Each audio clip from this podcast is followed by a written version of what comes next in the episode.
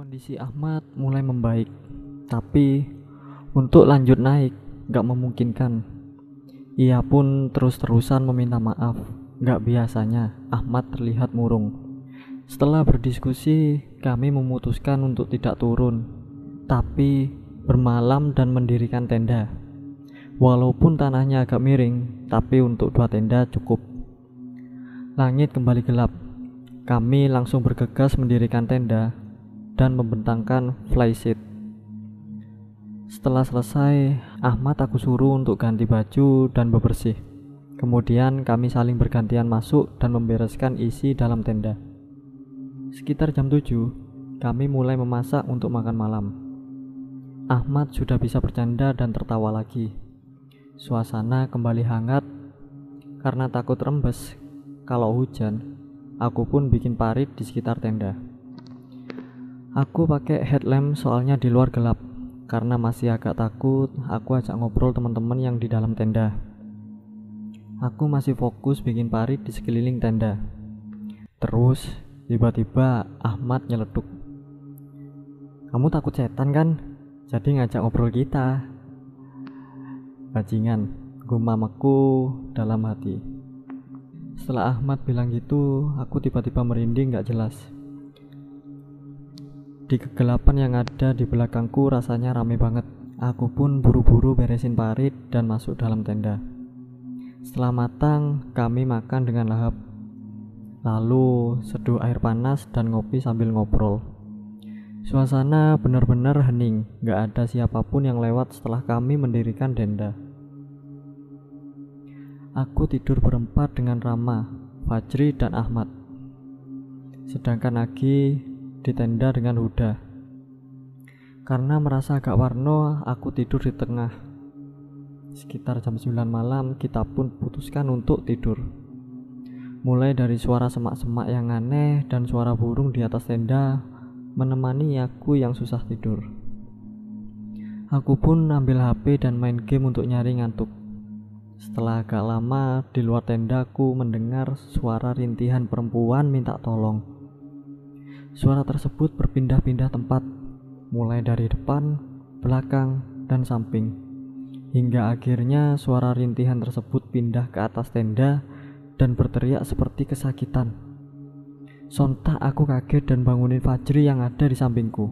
Dia pun terbangun dan nanya aku kenapa. Aku cuma geleng-geleng. Fajri bilang kalau dia kebelet pipis. Aku pun menahan dia untuk gak keluar dengan alasan hujan. Tapi dia ngerasa udah gak bisa ditahan. Lagian mau pipis di pinggir tenda. Masih terhalang flysheet katanya. Akhirnya aku iakan dan dia pun minta tolong disenterin dari dalam tenda. Fajri keluar dari tenda. Aku minta untuk meriksa sekeliling tenda, memastikan pasak dan tali masih terpasang. Setelah itu dia pun pipis dan aku senterin.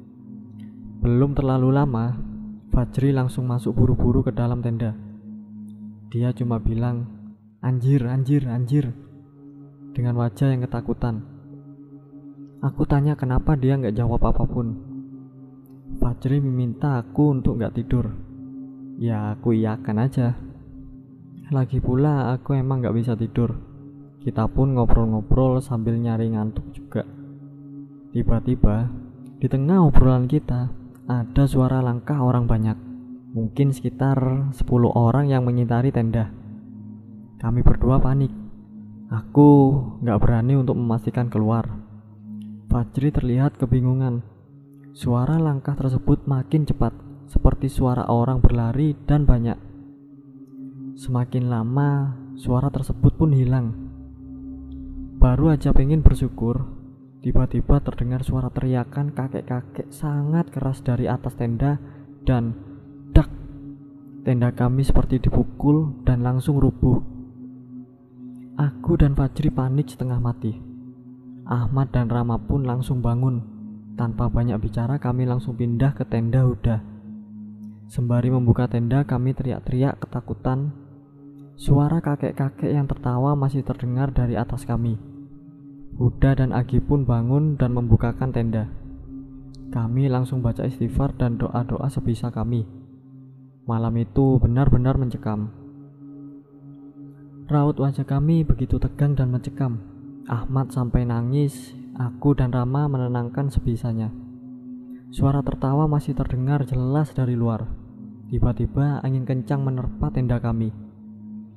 Kami menahan tenda agar tidak terbawa angin dan terus berdoa meminta perlindungan. Kini bukan hanya suara tertawa, di luar terdengar jelas rintihan perempuan dan suara lonceng yang keras. Malam semakin kacau. Kami terus-terusan berdoa. Waktu terasa berjalan begitu lambat. Satu jam kemudian sekitar jam 3, gangguan tersebut tiba-tiba hilang seiring dengan redanya angin kencang. Kami akhirnya bisa tenang, tapi belum berani untuk mengecek keluar tenda. Masih setengah ketakutan. Di dalam tenda, kami mengobrol dan mencoba menenangkan pikiran. Buddha bertanya, "Ada apa dengan tenda kami?" Aku jelasin kalau tenda rubuh. Apalagi aku ngeri kalau framenya sampai patah. Aku terus berusaha untuk membuka percakapan agar suasana menjadi tenang. Singkat cerita, aku cek jam dan ternyata udah jam setengah lima. Aku dan Rama memberanikan diri untuk cek situasi keluar dan memastikan tenda yang rubuh. Aku pun membuka pintu tenda dan keluar duluan. Ketika aku senterin ke arah tenda, ternyata tendaku masih berdiri kokoh. Aneh. Padahal jelas-jelas kalau sebelumnya tenda kami roboh. Aku dan Rama bingung dan semuanya masih dalam keadaan semula. Aku gak ngerti. Kami berjalan sebentar mengelilingi tenda dan tiba-tiba Rama menyuruh aku untuk melihat ke atas pohon sebelah kanan. Aku spontan senterin ke arah tersebut. Aku ngelihat kayak ada mayat lagi gantung diri di atas pohon. Tapi sorot matanya melotot ngelihat kita berdua. Aku pura-pura nggak ngelihat dan cuek. Aku ngasih aba-aba ke Rama untuk masuk ke tenda. Padahal kakiku udah gemeter banget. Sebelum masuk tenda, Rama bisik-bisik ke aku kalau bilang ke teman-teman yang lain di luar nggak ada apa-apa. Tenda udah diberesin. Biar semuanya tenang dan gak panik, aku iyakan. Ketika masuk, aku jelasin sesuai dengan apa yang Rama bilang ke aku sebelumnya. Aku lapar, Buddha langsung inisiatif bukan tenda dan masak. Awalnya aku takut kalau sosok itu masih ada dan ternyata udah hilang. Kami pun masak untuk sarapan. Ahmad terlihat sangat baikan setelah pakai koyok dan balsam semalaman. Katanya udah nggak terlalu bengkak. Kami pun makan. Saat itu masak kentang goreng dan beberapa potong sosis. Tak terasa sinar matahari terlihat. Kami segera keluar. Aku pun menyuruh Ahmad untuk mencoba berjalan perlahan dan ternyata lumayan lancar. Hanya saja memang harus pelan. Kemudian kami masak air untuk seduh kopi sambil diskusi terkait kaki Ahmad. Lanjut naik atau turun? Aku bertanya pada Ahmad. Katanya udah gak kerasa sakit, tapi mesti pelan jalannya. Aku masih ragu untuk meneruskan perjalanan karena takut terjadi hal yang lebih parah pada kaki Ahmad. Rama dan Agi meyakinkanku untuk terus melanjutkan perjalanan. Fajri pun sepakat dengan syarat ketika jalan tidak terpisah dan terus beriringan. Ahmad pun terus berkata kalau dia masih bisa dan kuat untuk berjalan. Akhirnya aku pun mengiyakan dan semoga lancar.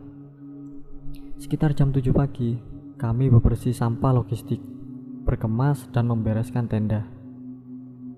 Setelah semuanya beres, kami pun memulai perjalanan di hari kedua dengan target naik ke puncak gede dan langsung turun ke jalur Cibodas untuk mendirikan tenda saat malam kedua di pos kandang badak.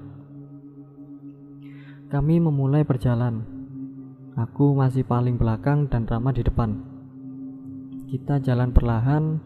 Ahmad sesekali meminta untuk break karena kakinya sedikit terasa sakit. Kami pun mengiyakan agar ia bisa terus berjalan. Satu jam kemudian kami pun sampai di simpang Malabar.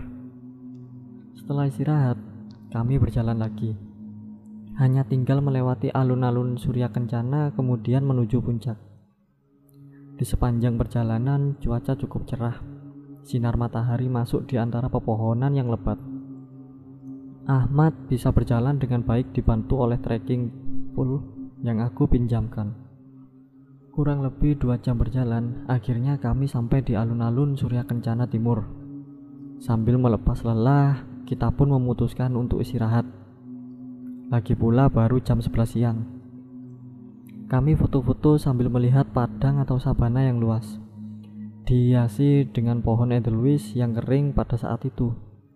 Aku usulkan untuk berjalan lagi dan istirahat lebih lama di alun-alun Surya Kencana Barat yaitu pintu masuk jalan menuju puncak. Sambil berjalan kami mengabadikan beberapa foto.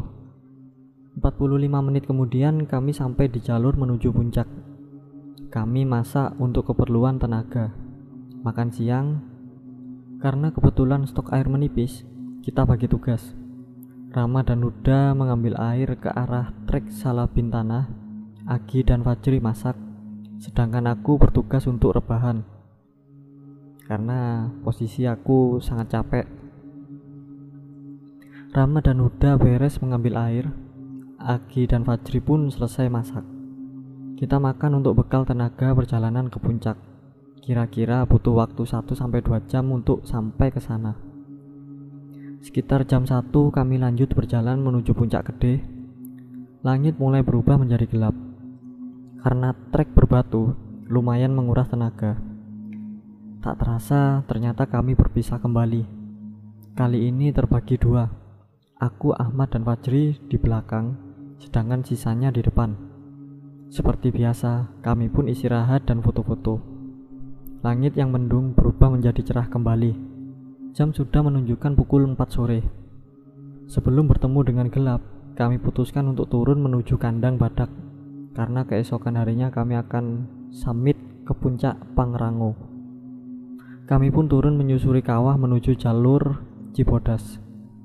Sepanjang perjalanan di jalur kawah, langit tiba-tiba berubah menjadi gelap. Kami sedikit lari dan bergegas untuk turun. Belum lama masuk hutan, hujan pun ternyata turun dengan cukup deras. Jas hujan langsung kami pakai.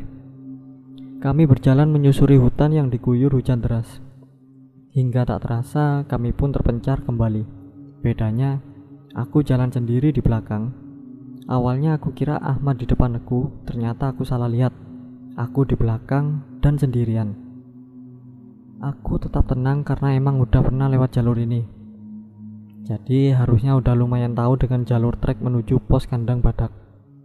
Masih diguyur hujan, aku turun perlahan karena trek agak licin. Sekitar 10 menit aku jalan sendirian. Ternyata ada rombongan sekitar lima orang yang lagi duduk di trek. Karena aku juga lumayan capek, aku putuskan untuk ikut duduk. Ketika udah sampai, aku sapa dan langsung duduk di tengah rebahan di dekat mereka. Ternyata sapaanku nggak digubris sama sekali. Mereka mungkin kecapean.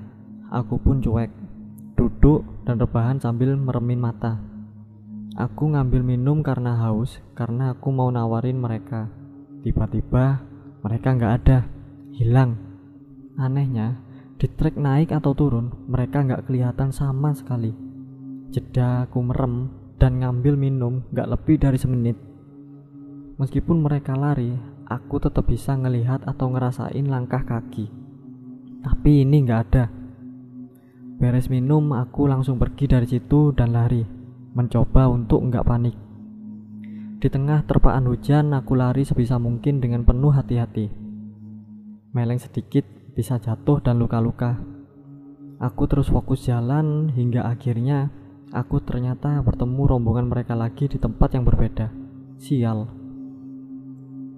Karena aku yakin kalau mereka bukan manusia, aku mencoba untuk cuek dan pura-pura nggak lihat. Posisi mereka persis sama dengan yang sebelumnya. Aku pun jalan santai melewati mereka karena sedikit penasaran. Aku nengok pelan dan rombongan tersebut balik melototinku benar-benar melotot. Aku lari sekuat tenaga. Walaupun badan udah benar-benar capek.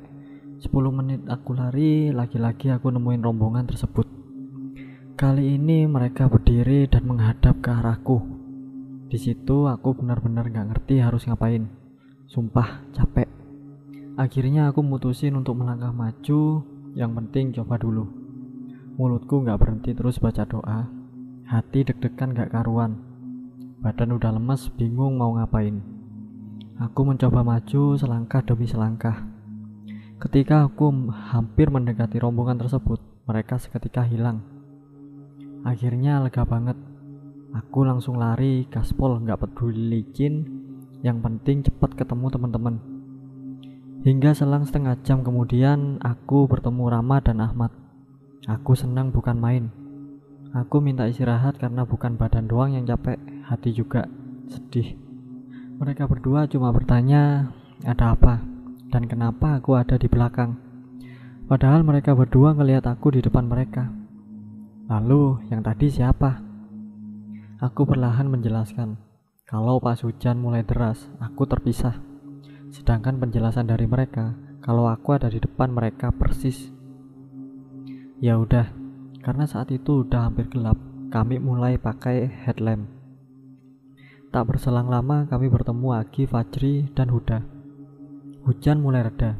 Karena jarak pandang yang minim, kami berjalan beriringan menuju pos kandang badak. 10 menit berselang, kami akhirnya sampai di tanjakan setan. Tanjakan ikonik di jalur Cibodas.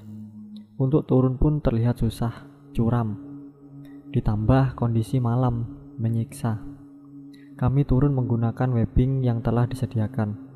Perlahan-lahan memastikan pijakan dan kami berhasil sampai di bawah. Kami terus berjalan menyusuri gelapnya hutan. Tak ada yang banyak bicara. Kami semua merasa lelah. Hingga akhirnya keheningan tersebut pecah. Tiba-tiba, dari arah hutan sebelah kanan terdengar jeritan bayi disusul dengan suara merintih dari arah yang sama. Mendengar suara tersebut, kami saling berpegangan tangan. Doa terus diucapkan. Suara tersebut seperti mengikuti ke mana arah langkah kami. 15 menit kemudian suara tersebut hilang dan kami sampai di percabangan puncak Pangrango dan puncak Gede. Akhirnya sebentar lagi sampai. 5 menit kemudian kami sampai di pos kandang badak. Tidak begitu banyak yang mendirikan tenda, mungkin kurang dari 8 tenda. Kami pun bergegas mendirikan tenda di dekat sumber air. Tujuannya agar gampang untuk sekedar mengambil atau menggunakan air. Kami berbagi tugas, ada yang mengambil air, mendirikan flysheet, dan mendirikan tenda. Tak butuh waktu lama, dua tenda berdiri kokoh. Kami bergiliran masuk untuk ganti baju dan membereskan isi tenda. Sambil menunggu giliran, aku cuci kaki dan seluruh badan yang kotor di sumber air. Dingin, mirip air es. Ketika selesai dan melangkah balik ke tenda, di belakangku tiba-tiba ada suara ketawa kecil. Merasa janggal, aku langsung lari masuk ke dalam tenda, lalu ganti baju. Setelah ganti baju, aku minta temenin ke Rama untuk membuat tali jemuran. Kebetulan, beberapa baju kami kotor dan sedikit basah. Aku pasang tali jemuran di bawah flysheet agar kalaupun nanti hujan masih bisa terlindungi. Tali pun berhasil aku pasang. Baju yang kotor dan basah aku jemur, begitupun dengan Rama. Setelah semua beres, baru aku mau masuk ke tenda. Rama tiba-tiba bilang, kalau nanti malam ada apa-apa lagi, langsung bangunin aku ya. Perasaan udah mulai gak enak. Aku iyain, lalu masuk ke tenda. Dengan sisa logistik yang masih ada, kami memasak. Ahmad mulai merasakan sakit lagi di kakinya. Aku menyuruhnya untuk minum obat pereda nyeri. Akhirnya, kami merasakan suasana tenang kembali. Jam 8 kami makan dan ngobrol-ngobrol santai. Tak lama hujan turun, cukup deras. Terdengar suara rombongan pendaki yang baru sampai dan mendirikan tenda. Aku usahakan jangan sampai tidur terlalu larut, karena besok kami harus bangun jam 4 pagi untuk summit ke puncak Pangrango. Setelah ngobrol ngalor ngidul, kami memutuskan untuk tidur. Saat itu jam 10 malam. Formasi tenda masih sama dan aku tidur di tengah. Lampu tenda dimatikan, kemudian kami tidur. Aku berkali-kali terbangun karena hujan deras di luar tenda. Syukurnya nggak ada hal-hal aneh yang aku rasain. Aku tidur lagi. Sekitar jam 2, aku lagi-lagi terbangun karena haus. Aku duduk, minum, lalu tiduran, mencoba untuk tidur kembali. Ketika seperti hampir setengah tidur, tiba-tiba seluruh badanku dingin bukan main. Disusul pusing yang berat. Aku mencoba tetap merem, hingga kemudian kakiku serasa kram, gak bisa digerakin sama sekali. Digeser sedikit aja sakitnya bukan main. Rasanya seperti patah. Aku mencoba menggerak-gerakkan badan, gak bisa. Teman-temanku yang lain masih tidur, gak keganggu sama sekali. Sosok tersebut masih duduk di atasku. Aku benar-benar ketakutan. Kaki serasa patah, sakit banget kalau digerakin. Aku cuma bisa meremelek berulang-ulang, memastikan sosok tersebut masih ada atau enggak. Hingga akhirnya kakiku tiba-tiba bisa digerakkan seperti semula. Aku coba buka mata sedikit demi sedikit dan ternyata sosok tersebut hilang. Sementara ini aman. Akhirnya aku coba untuk merem lagi. Kaki udah mulai berasa normal. Tapi Aku benar-benar nyium bau kemenyan campur bau busuk di dekat kepalaku persis. Aku pun kembali sedikit panik, tapi tetap berpikir positif. Aku pun memberanikan diri untuk mengecek apa yang ada di luar. Aku gak tega membangunkan teman-teman yang lain. Terlihat dari raut wajah mereka yang tampak kelelahan. Ketika aku membuka resleting pintu tenda, di kiri atau kanan tidak ada hal apa pun yang mencurigakan. Bau tersebut pun hilang. Melihat nesting yang berantakan, aku pun sedikit keluar tenda untuk membereskannya. Saat sudah selesai dan ketika aku sudah merangkak masuk, tiba-tiba bau tersebut tercium lagi persis di belakangku, disertai dengan bisikan suara "Ha". Aku spontan balik badan. Lalu, tiba-tiba di depan mukaku ada sosok perempuan yang tadi duduk di atas kakiku. Hadap-hadapan muka, aku teriak sekencang-kencangnya. Rama dan Fajri bangun. Gak tahu kenapa mereka berdua langsung melukku. Mereka menyuruhku untuk membaca istighfar terus. Selepas itu entah kenapa aku gak bisa ngomong apa-apa. Masuk ke tenda pun setengah digotong mereka. Aku disuruh minum. Hah, Aku cuma ketawa kecil ngelihat mereka berdua. Aku lihat jam, ternyata udah hampir jam 4. Huda dan Agi juga terbangun. Kami masak dan bersiap untuk summit. Kemudian Ahmad bangun. Kami bergiliran beberes dan siap-siap. Logistik kompor dan gas aku masukkan ke dalam tas. Setelah itu kami makan. Sekitar setengah lima kami pun bersiap berangkat summit. Beberapa rombongan pendaki lain ada yang sudah duluan. Tapi kami nggak tahu mereka summit ke Pangrango atau Gede. Semuanya menggunakan center atau headlamp. Trek kali ini dibilang cukup sulit. Kurang lebih 4-5 jam baru sampai puncak. Aku memastikan keadaan kaki Ahmad. Katanya oke. Ya udah, kami berjalan tipis beriringan. Aku tetap di belakang. 5 menit kemudian kami sampai di percabangan antara puncak gede dan puncak Pangrango. Kami pun ambil kanan. Trek lumayan landai dan belum terlalu curam. Suasana gelap. Belum sampai 10 menit dari percabangan, Ahmad tiba-tiba mengeluh kesakitan. Kakinya terasa perih. Karena tidak ingin terlalu memaksakan, Ahmad mau untuk kembali ke tenda. Aku dan Rama pergi mengantarkan setelah sampai di percabangan, Ahmad meminta untuk turun sendiri. Karena kami rasa memang dekat. Kami mengiyakan. Aku dan Rama berlari menuju Fajri dan yang lainnya untuk melanjutkan pendakian menuju puncak Pangrango. Selama pendakian menuju puncak, aku gak ngerasa hal ganjil apa pun. Mungkin sebatas sekilas mata atau suara semak-semak aku yang anggap biasa. Kami terus berjalan dan bertemu rombongan pendaki yang lain Kami saling sapa dan pamit untuk mendahului mereka. Tak terasa mentari datang. Sudah hampir dua jam kami berjalan namun belum ada tanda-tanda puncak sudah dekat. Trek yang lumayan curam membuat kami harus banyak berhenti karena lelah. Sekitar jam 7 aku bertemu dengan seorang pendaki yang turun. Aku tanya apakah puncak masih jauh. Dia pun menjawab kalau kami belum setengahnya sama sekali. Mendengar hal tersebut, kami pun cuma tertawa kelelahan. Agi pun ternyata sudah jalan terlebih dahulu, jauh meninggalkan kami. Demi mengejar waktu, kami bergegas naik lagi.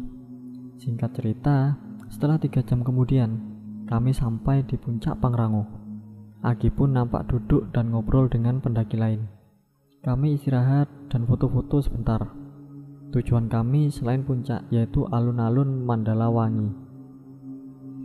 Hanya butuh lima menit turun dari puncak, kami sampai di alun-alun Mandalawangi. Konon, Soe Hokge, aktivis era tahun 60-an, sering menghabiskan waktunya di sini. Kami mencari tempat yang teduh untuk makan dan memasak air. Aku dan Rama turun ke arah tebing mencari sumber air. Selesai mengambil air, kami menyempatkan untuk mengambil beberapa gambar kenang-kenangan. Mandalawangi memang tak seluas Surya Kencana, namun Mandala Wangi terkesan lebih tenang dan sunyi, cocok untuk dijadikan tempat merenung. Waktu tak terasa menunjukkan pukul 12 siang. Kami memutuskan untuk turun. Lagi pula, Ahmad sendirian di tenda. Setelah beberes, kami berjalan naik ke arah puncak Pangrango, kemudian langsung turun menuju kandang badak. Hanya dua jam perjalanan turun, kami pun sampai di tenda. Ahmad terlihat duduk dan memasak air sesampainya kami di tenda. Kakinya pun sudah lumayan membaik. Kami langsung memasak, menghabiskan logistik yang tersisa. Kami bergantian mengemas barang-barang yang ada di dalam tenda. Selesai memasak dan makan, kami pun bergegas merapikan tenda. Langit tampak mulai mendung. Sesegera mungkin kami harus turun sebelum hujan mengguyur. Akhirnya, sekitar jam 4 lewat, kami turun menuju base camp Cibodas. Estimasi turun sekitar 2-3 jam. Trek relatif landai. 15 menit kami berjalan turun hujan pun turun. Tidak terlalu deras. Kami langsung memakai jas hujan. Jalur Cibodas terkenal landainya. Tidak banyak trek yang curam tapi cenderung lebih lama jarak tempuhnya kami terus berjalan ternyata kami terpisah jauh kali ini aku berdua dengan Fajri berada paling depan kami berdua memutuskan untuk menunggu di pos kandang batu. Sesampainya di sana, kami merasakan hawa yang kurang enak. Kami merasa ada langkah kaki yang turun, tapi tak kunjung sampai. Awalnya, aku kira Rama dan yang lainnya. Ternyata, gak ada siapa-siapa. Kami pun memutuskan untuk melanjutkan perjalanan menuju shelter air panas yang berada di bawahnya. Tak sampai lima menit, kami tiba di shelter tersebut. Kami menunggu lagi Rama dan yang lainnya. Namun, suara langkah tersebut masih terdengar. Di tengah suara gerimis hujan, langkah tersebut terdengar cukup nyaring. Setelah diskusi dengan Fajri, aku putuskan untuk terus turun. Dari shelter air panas menuju pos batu kukus 3, kami harus melewati jembatan di atas air panas yang hanya dibatasi dengan seutas tali webbing. Jika tergelincir, otomatis kami akan tercebur ke dalam jurang berisi air panas. Aku berada di depan, berjalan perlahan menapaki batu-batu. Tiba-tiba Fajri menyuruhku untuk berjalan lebih cepat. Dia nampak sedikit gelisah. Aku iakan. Kami terus berjalan hingga sampai di pos batu kukus tiga. Hujan masih turun cukup deras, tapi setelah dipikir-pikir, kami memutuskan untuk terus berjalan hingga pos 1 sebelum base camp. Kami berdua terus berjalan, melewati pos Batu Kukus 2 dan 1, kemudian Rawa Denok 2 dan Rawa Denok 1. Sekitar setengah enam kami pun tiba di pos Rawa Panyang Cangan. Persimpangan menuju air terjun Cibereum dan base camp. Kami istirahat sebentar, minum dan rebahan di pos. Setengah jam kami menunggu Rama dan yang lainnya masih belum datang. Padahal kami jalan tidak terlalu cepat. Setelah diskusi dengan Fajri, kami memutuskan untuk berjalan lagi menuju pos Telaga Biru. Perjalanan menuju Telaga Biru menyusuri jembatan kayu yang ditunjang dengan beton coran. Tak sedikit beton tersebut bolong. Karena gelap, kami berdua menggunakan headlamp untuk menerangi jalan. Ketika masuk ke hutan, Fajri meminta kami untuk jalan sejajar. Aku mengiyakan. Lalu sekitar lima menit kami berjalan, tiba-tiba ada sesuatu yang muncul dari balik pohon yang ada di belakang Fajri. Awalnya aku kira dahan pohon yang jatuh. Namun, lama-lama sesuatu yang seperti dahan tersebut berdiri, membalikan badan dan meloncat-loncat. Itu pocong. Kami lari sekencang-kencangnya hingga akhirnya sampai juga di ujung jembatan kayu. Aku cek ke belakang, sosok tersebut masih ada. Aku yang awalnya mau istirahat karena ngos-ngosan, mengurungkan diri dan mengajak Fajri untuk segera lari lagi. Tak lama kami pun sampai di telaga. Ada sebuah shelter dan nampaknya ada bapak-bapak sedang duduk. Sepertinya warga sekitar. Kami pun menyapa dan dia memberikan senyuman. Kami duduk berjarak 10 meteran dengan bapak itu. Dia hanya duduk dan termenung. Aku menawarkan rokok. Dia hanya diam saja. Akhirnya dia pun bertanya, kami dari mana?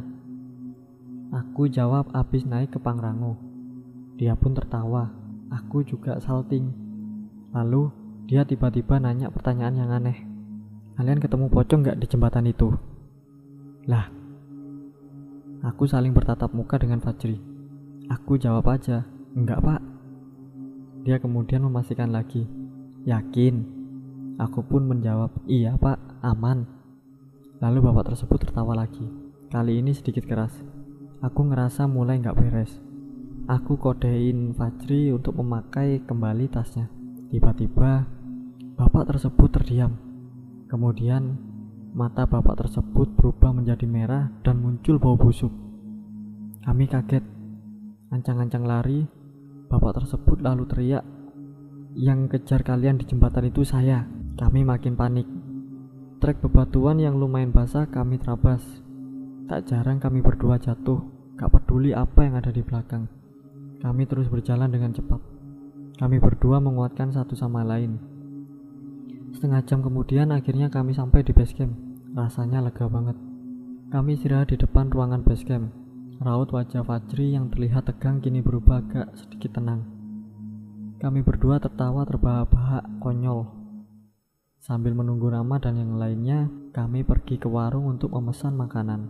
Fajri kemudian bercerita, mengapa ketika di jembatan setelah shelter air panas, ia memintaku untuk melangkah lebih cepat.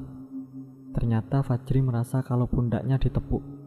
Kemudian, ketika menoleh ke belakang, ia melihat sosok perempuan samar-samar. Setelah sampai di jembatan kayu pun sebenarnya dia sudah melihat bayangan pocong tersebut.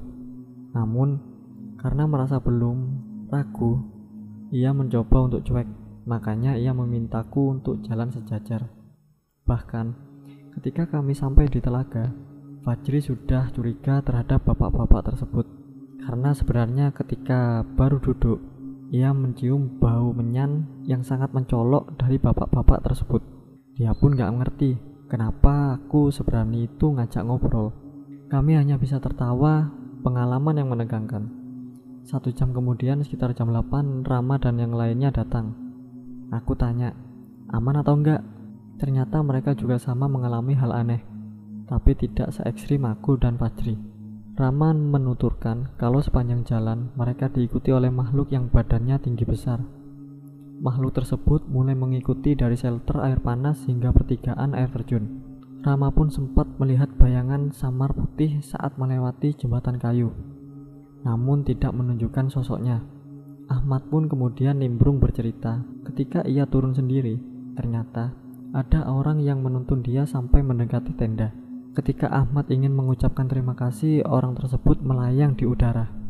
Ahmad ketakutan, hingga dia pun masuk ke tenda orang lain, pura-pura mengobrol. Untung saja ada anggota dari rombongan pendaki lain yang tidak ikut muncak, sehingga ada yang menemani Ahmad. Mengingat tenda, Fajri kemudian bercerita kejadian mengapa dia dan Rama memelukku ketika kejadian malam kedua di pos kandang badak. Sebenarnya, Fajri melihat sosok perempuan duduk di atas kakiku. Menurutnya, sosok tersebut seperti ingin membawaku ikut dengan sosok perempuan tersebut. Namun, saking takut melihat sosok tersebut, Fajri memilih pura-pura tidur. Hingga pada saat sosok tersebut hilang, Fajri akhirnya bisa bernafas lega dan kemudian melanjutkan tidurnya.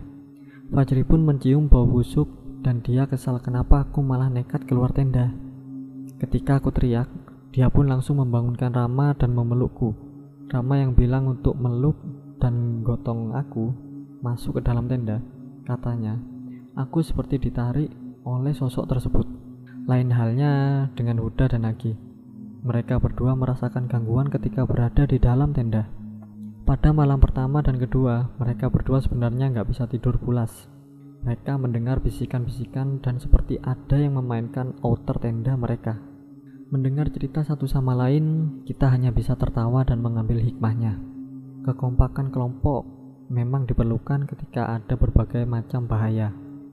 Setelah makan dan beberes sekitar jam 10 malam, angkutan desa datang untuk mengantarkan kami kembali menuju rumah Ahmad. Lalu, lalu kurang dari jam 12, kami pun sampai.